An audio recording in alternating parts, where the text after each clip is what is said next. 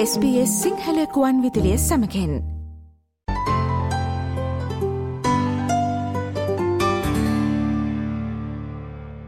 ඕස්ට්‍රලියාව ජාත්‍යන්තර සිසුන්ට වඩාත් ජනප්‍රිය ගමනාන්තයක් ලෙස මේ වන විට ප්‍රසිද්ධ වී තිබෙනවා. කෙසේ නමුත් ඔස්ට්‍රලියාව තුළ මේ වන විට පවතින ඉහළ කුලි හේතුවෙන් කුලි නිවාස සොයා ගැනීම සැලකියයුතු අභිහෝගයක් බවට පත්ව තිබෙනවා.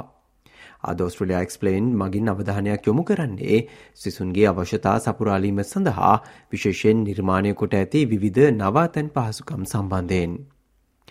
ඕස්ට්‍රලියාවේ නවාතැන් සෙවීම ආරම්භ කරන විට එය ඔබ ඉගෙන ගන්නා ස්ථානය තහවුරු කළ වහාම ආරම්භ කිරීම ඉතා වැදගත් වනවා.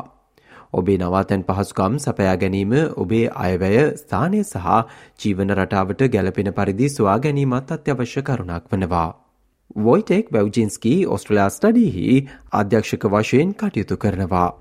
මෙම ආයතනය ඔස්ට්‍රලයාාවේ අධ්‍යාපනය ලැබීමට සැලසුම් කරන පිරිසට සහය ලබාදීම සිදු කරනවා. ඔස්ට්‍රලයාාවට පැමිණෙන ජාත්‍යන්තර සිසුන්ට ඔවුන්ගේ මුල් මාසවලදී මෙරට සුදුසු නවාතැන් සොයා ගැනීමට උපකාරය කිරීම වොටෙක් සිදු කරනවා.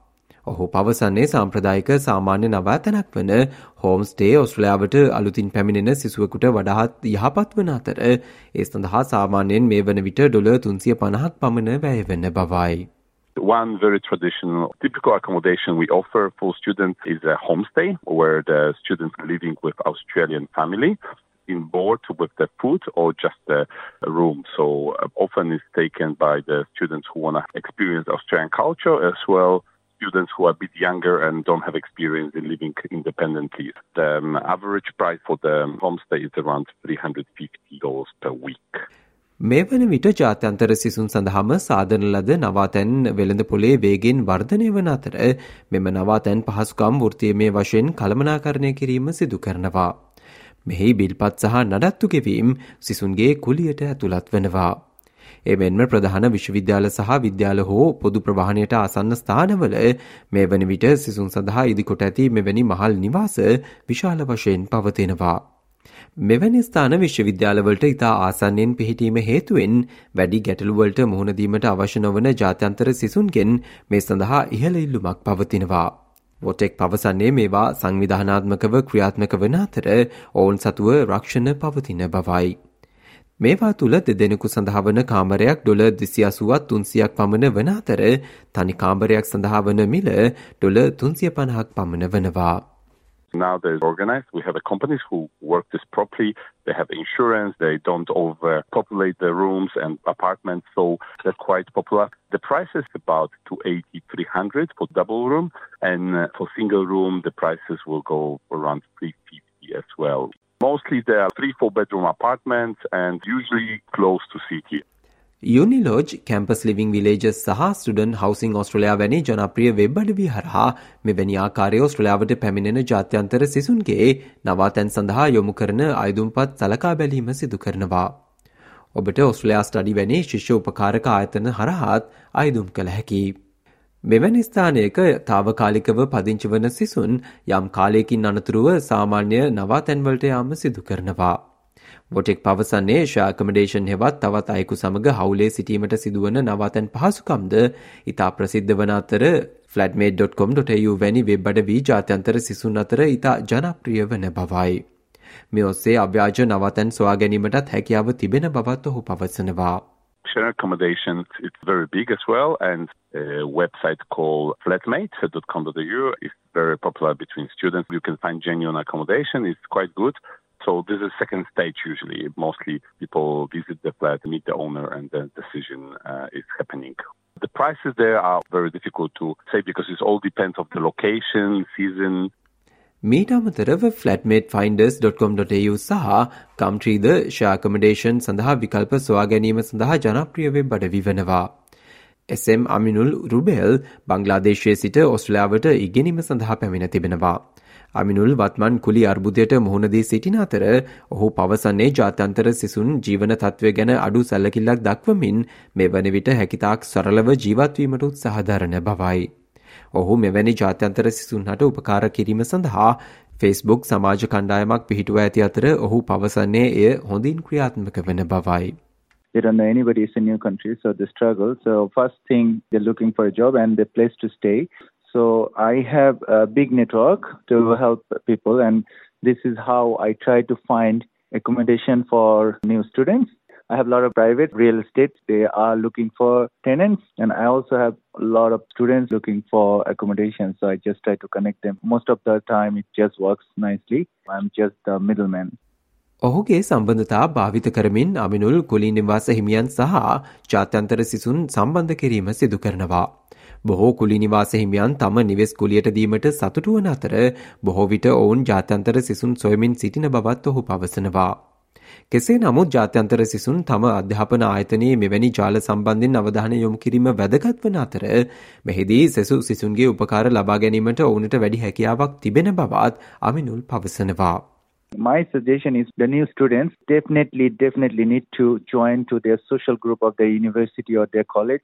And they need to join their social Facebook group or whatever group the every university or college has. When you're joining, you actually have thousands of other students. You can ask them to help you. It's the easier way. And of course, other students who actually was struggling few months ago to find their accommodation, they also should help. ජාත්‍යන්තර සිසුන් මුහුණ දෙන විශාලතම බාධකවලින් එකක් වශයෙන් අමිනුල් පවසන්නේ පාඨමාලා සිදු කරන භාෂාව වෙන බවයි. මෙහෙතුවෙන් තම භාෂාවෙන් විශ්වවිද්‍යාලයේ දැන්වීම් පූරුවේ හෝ ඒ ආසන්නයේ තමාට උපකාර අවශ්‍ය බවට සඳහන් කරන ලෙසත් උපක්‍රමයක් වශයෙන් ඔහු කියා සිටිනවා. If you are new, just come to university. First thing, there is a notice board. Go and write in your own language. I'm new here. I need help. Anybody gonna pass through and if they see their own language in the board, we usually read it. We just try to find out what's happening. Community people, they love to go and check in their community group because they can read in their own language. So it is our duty to reach all those little, little community group. Then I can actually help and I can ask help from others. විශ්වවිද්‍යාලාසන්නේ ඔබට විශ්වවිද්‍යාලවලට අයත් නේවාසික පහසුකම් සොයා ගැනීමට හැකියාව තිබෙනවා. විශ්වවිද්‍යාල නවාතැන් බොහෝ විට සිසුන් සඳහා ඉතා සාමාජීය සහ ආධාරක විකල්ප සපයනවා. මහාචාර්ය සැලී වීල කැන්බරාහි ඔස්ට්‍රලන් නැශනල් යුනිවසිටිහි නියෝජ්‍ය උපකුළුපති වන අතර ඇය පෙන්වා දෙන්නේ ඔස්ට්‍රලාවේ පළමුුවරට ගෙනීමට පැමිණෙන පිරිස විශ්වවිද්‍යාලවලට අයත් නේවාසික පහසුකම් සොයා ගැනීම වැදගත් වන බවයි. I think anyone who hasn't studied in Australia before should think seriously about university accommodation. It's a very good way of meeting new people, integrating yourself into a new environment, but you're still supported. There are people there to make sure you make that transition to life in Australia. That I think happens less if you're in the private sector. විශ්වවිද්‍යාලවලට සම්බන්ධ නේවාසික පහසුකම් මගින් සියලුම ආහාර පොදු විනෝදාස්වාද අවකාශයන් සහ අධ්‍යයන සහය සහිත ආරක්ෂක පෞද්ගලික කාමර ලබාදීම සිදු කරනවා. මහාචාර්ය සැලී පවසන්නේ මේවා තුළ තමාට තෝරාගත හැකි විවිධ පැකේජත් පවතින බවයි. Most universities have one or two residential colleges that are affiliated to the university. Usually they have an arrangement with the university about using sporting facilities, etc. And they offer a distinctive package. Some of them are religious based, for example. Others are created by founders with particular sorts of interest. Whereas general university accommodation often gives you a choice of different sorts of packages around whether you want fully catered, part catered, or self catered.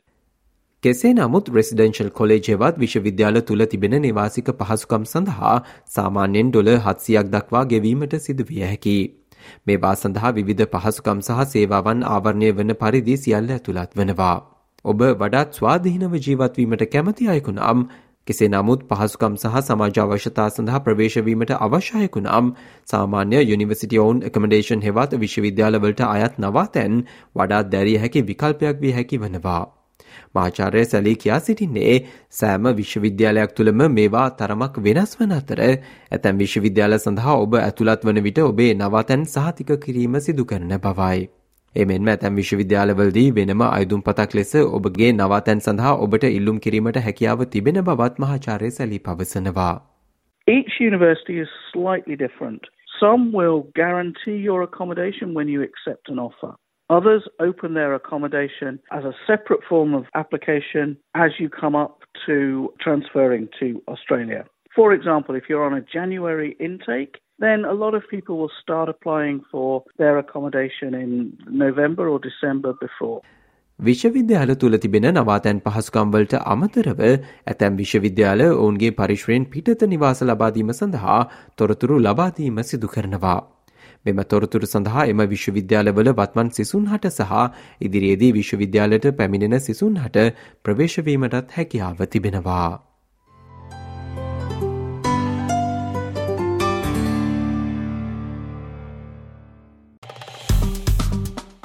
ලයි කරන්න share කරන්න අදහස් ප්‍රකාශ කරන්න SBS Sinhala Facebook පිටුව follow කරන්න.